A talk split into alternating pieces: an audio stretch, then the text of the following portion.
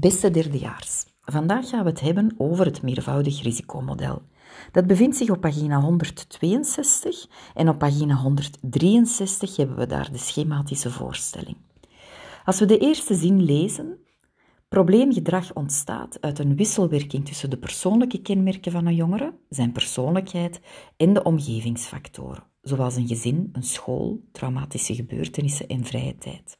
Dan staan daar vier belangrijke woorden in.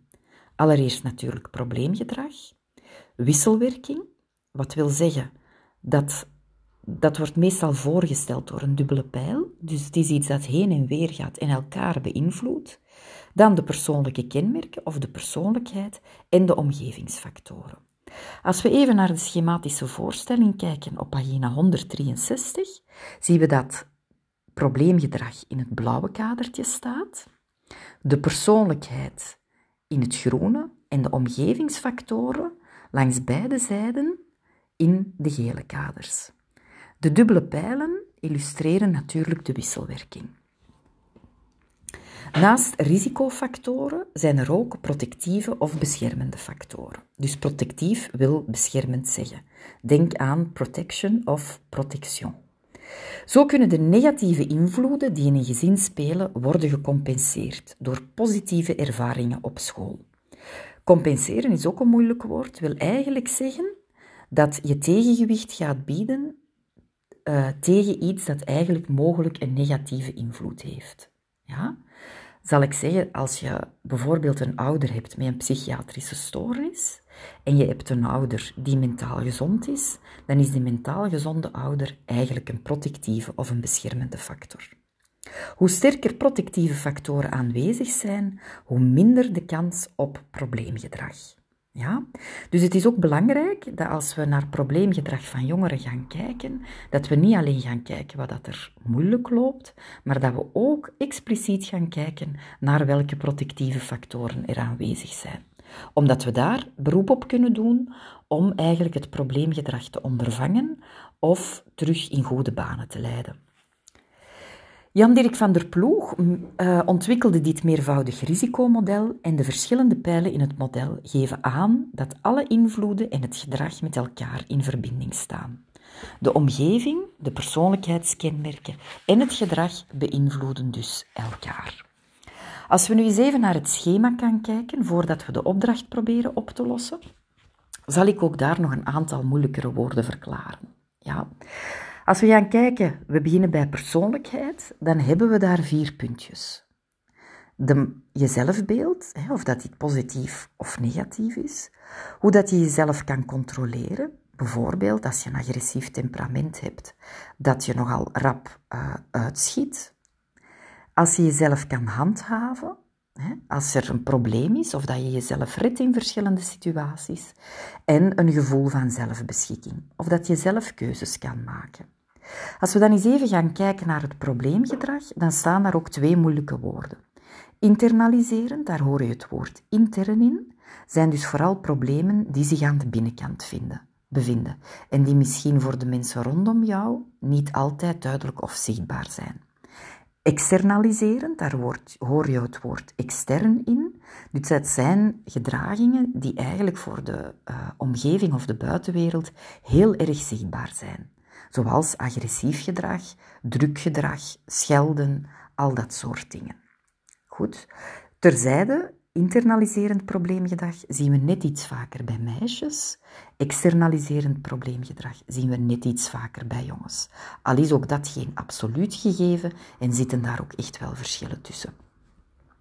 Als we eens gaan kijken naar onze omgevingsfactoren, dan zien we daar levensgebeurtenissen met een grote negatieve impact. Ja? Overlijden, echtscheiding.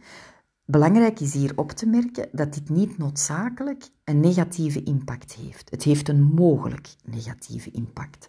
Zo zal ik zeggen dat voor, als het komt op vlak van echtscheiding, dit ook voor sommige jongeren misschien een goed gegeven kan zijn als er thuis zeer veel conflicten waren. Op school zien we dat er enerzijds beschermende factoren zijn, maar anderzijds ook risicofactoren. Risicofactoren zoals moeilijker kunnen stilzitten, concentratieproblemen, uh, wat maakt dat je bijvoorbeeld veel meer kans hebt om negatieve opmerkingen te krijgen.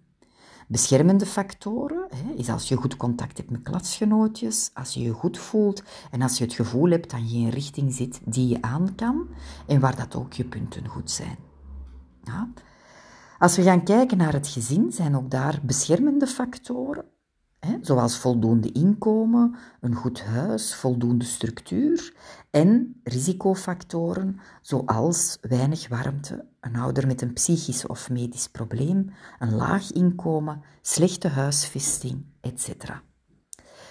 Een laag inkomen heeft natuurlijk ook invloed op die andere omgevingsfactor die er staat, school. Stel je voor dat ouders een laag inkomen hebben, kunnen zij misschien hun boeken niet betalen, Leerlingen op school vertellen meestal ook niet graag dat ze in kansarmoede opgroeien. Ze durven dan niet zeggen dat ze de boeken eigenlijk niet kunnen aankopen, gaan bijvoorbeeld een, hele een heleboel uh, uitvluchten verzinnen en leerkrachten zijn eigenlijk ontevreden omdat ze niet in orde zijn.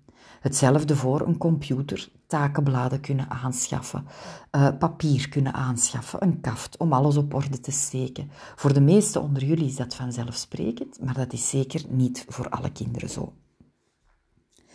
Sociale steun voor het kind en het gezin ja, ook dat is zeer belangrijk. We noemen dat met een moeilijk woord sociale cohesie. En cohesie heb je misschien al eens in het vak natuurwetenschappen gehoord bij stoffen. Je hebt stoffen met een sterke cohesie, dus die heel sterk aan elkaar hangen, en stoffen met een zwakke cohesie, zoals bijvoorbeeld zand. Als je dat tussen je vingers neemt, dat valt eigenlijk direct naar beneden. De cohesie op maatschappelijk vlak wil eigenlijk zeggen hoe de band is met de mensen rondom ons. Een gezin met een sterke cohesie, die hebben bijvoorbeeld veel familie waar dat ze op terug kunnen vallen, veel vrienden, een, een buurt waar mensen zijn die dingen voor elkaar doen. Nu met corona bijvoorbeeld, om het daar even over te hebben, als je oudere buren hebt, zijn er misschien mensen in de straat die voor hen de boodschappen gaan doen. Dat is een, sterk, een sterke cohesie. Of een sterke sociale steun. Goed, nu gaan we eens kijken naar opdracht 11. Dus opdracht A kan je zelf twee voorbeelden geven, positief of negatief, waarbij iemands gedrag en persoonlijkheidskenmerken de omgeving beïnvloeden. En B kan je ook twee voorbeelden geven waarbij de omgeving en het gedrag de persoonlijkheid beïnvloedt. Denk eens even na, duw even op de pauzeknop en probeer de oefening op te lossen. Ik zal nu zelf twee voorbeelden geven.